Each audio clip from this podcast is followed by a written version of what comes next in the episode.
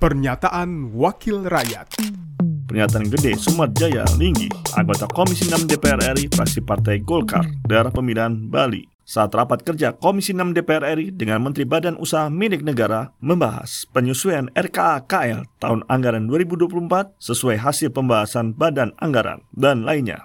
Kamis 14 September 2023. Ini saya titip aja ke Pak uh, Erik sehingga nanti mudah-mudahan nanti kalau terjadi memang ini kan kita masih nggak tahu ini arah politik kita sampai ke mana gitu.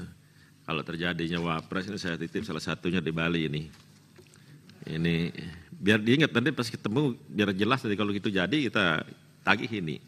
Nah, di Bali ini sekarang ini kemarin ini saya sangat lucu sebenarnya tol Gilimanuk uh, dan pasar yang disetujui.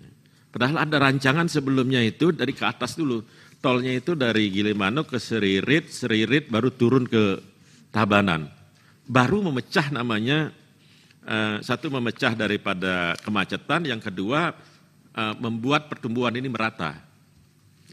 Tapi kalau di sini aja, malah yang saya khawatirkan ini yang tadinya ada UMKM dan sepanjang, sepanjang jalan ini, ini akan mati di daerah Jebrana itu.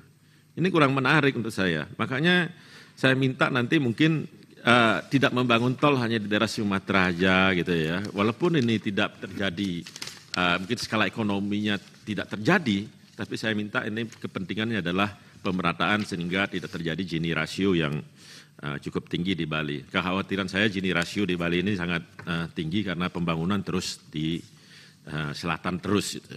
Dan kalau Gini rasio yang sangat tinggi ini biasanya itu adat dan budaya uh, juga akan ikut uh, hilang gitu.